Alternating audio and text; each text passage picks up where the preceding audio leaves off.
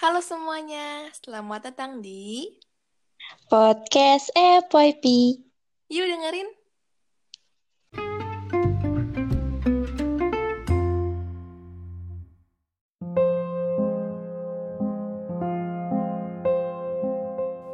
Halo guys, Assalamualaikum warahmatullahi wabarakatuh. Kembali lagi bersama aku, Nida. Kali ini aku pengen ngebahas genre yang agak berbeda dari podcast-podcast sebelumnya. Kali ini aku pengen ngebahas tentang hal-hal mistis di balik lagu populer di Indonesia. Nah, kali ini aku pengen ngebahas tentang tiga lagu aja dulu. Yang pertama, kalian pasti tahu lah uh, lagu Nina Bobo ya. Lagu di mana kalian masih kecil kalau susah tidur pasti di Nina Boboin. Nah jadi konon lagu Nina Bobo diawali dengan sebuah kisah tentang satu keluarga campuran Jawa dan Belanda yaitu yang bernama Mustika dan Van Rojenik Mustika adalah seorang perempuan Indonesia yang berdarah Jawa. Ia adalah seorang penari pada saat itu. Jadi si Mustika ini uh, kayak seorang penari gitu penari Jawa Nah, si Mustika ini nikah sama e, cowok Belanda yang bernama Van Rojenik. Nah, lagu Nina Bobo ini teh dipersembahin untuk anaknya yang lahir pada tahun 1871. Jadi dikesahin e, anaknya tuh kan bernama Nina. Nah, si Nina ini tuh kayak susah tidur.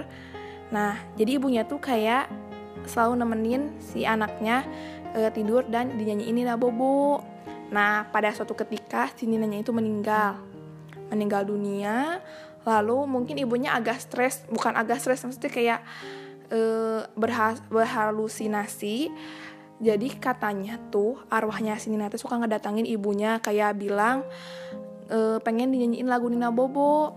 Jadi si suaminya tuh sering ngelihat istrinya kayak datang ke kamar anaknya, terus malam-malam teh kayak tidur di kasur si anaknya terus nyanyiin lagu Nina Bobo. Padahal kan si anaknya udah meninggal dunia. Nah setelah beberapa bulan kemudian ternyata istrinya tuh ikutan meninggal juga. Kayak e, menyusul anaknya meninggal. Nah hal ini tuh kebiasaan si istrinya itu dilanjutin sama suaminya. Jadi suaminya juga si orang Belanda ini tuh kayak e, setiap malam tuh datang ke kamar anaknya lalu nyanyiin Nina Bobo. Tapi ini kan ya mitos ya, tapi ya bisa kalian bisa percaya atau enggak ya. Nah lanjut di nomor 2, kalian pasti pada tahu dong lagunya Resah dari Payung Teduh. Nah katanya lagu ini teh ada hal mistisnya juga. Jadi berawal dari kisah Comi sama teman-temannya yang lagi hiking gunung. Nah salah satu temennya si Comi ini kita sebut uh, si A ya. Si, si A ini tuh kayak ada masalah cinta gitulah pokoknya lagi galau intinya tuh. Terus cerita ke si Comi intinya mah kalau dia tuh lagi galau.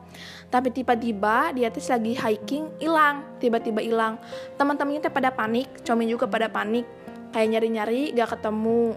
Akhirnya teh kayak ya udah Chen Hayu lanjut lagi aja. Carinya pas lagi cari-cari dia teh nemuin si A ini tuh lagi gantung diri kayak bunuh diri gitu di sebuah pohon Nah, pas didatengin ke sana, si Anya teh udah gantung diri dan nyisain catatan puisi yang menjadi cikal bakal penulika, penulisan rilik lagu resah. Nah, kan di lagu resah ini tuh kan ada sepenggal lirik Aku ingin berjalan bersamamu dalam hujan dan malam gelap. Nah, katanya pada lirik pertama ini teh menyampaikan makna bahwa malam gelap teh adalah konotasi dari dunia dunia lain. Jadi bukan dunia yang kita tinggali. Dilanjut dengan lirik, tapi aku tak bisa melihat matamu. Terus ada lagi lirik, e, aku ingin berdua denganmu di antara daun gugur. Kalian pasti tahu dong kata gugur ini tuh dikotonaksikan sebagai makna dari wafat. Kayak gugur e, gugurnya pahlawan. Jadi konotasi gugur ini tuh adalah konotasi untuk orang yang sudah meninggal. Lanjut dengan lirik, aku ingin berdua denganmu, tapi aku hanya melihat keresahanmu. Jadi kan si A ini tuh kan sebenarnya tuh kayak sadar kalau dia tuh nggak akan bisa bersama sama si pacarnya itu karena mustahil karena udah beda dunia. Jadi meren si A ini tuh kayak nyusul lah intinya gitu. Ini nih, ini udah mulai jelas dalam lirik. Aku menunggu dengan sabar di atas sini melayang-layang. Kan si A teh bunuh diri ya gantung diri. Pasti kan melayang ya gak napak gitu sama tanah teh.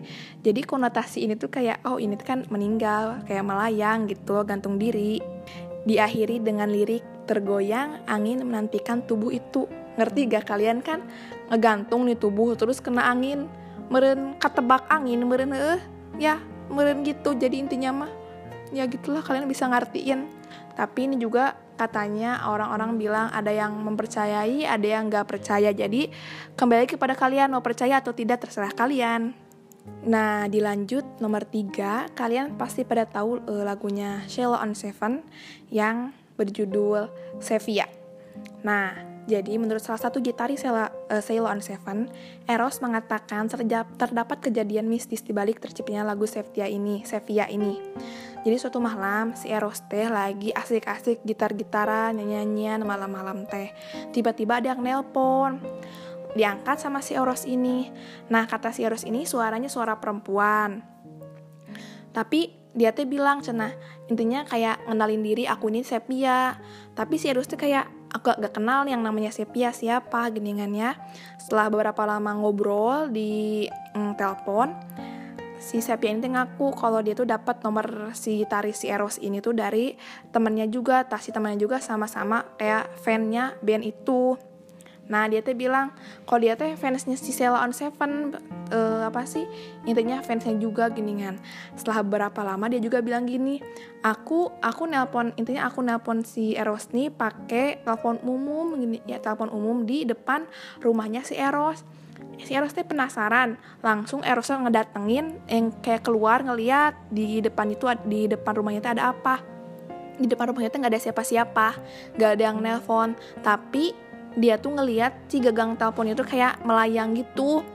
Esokan harinya si Eros ini langsung kayak cari tahu informasi si namanya Sepia ini.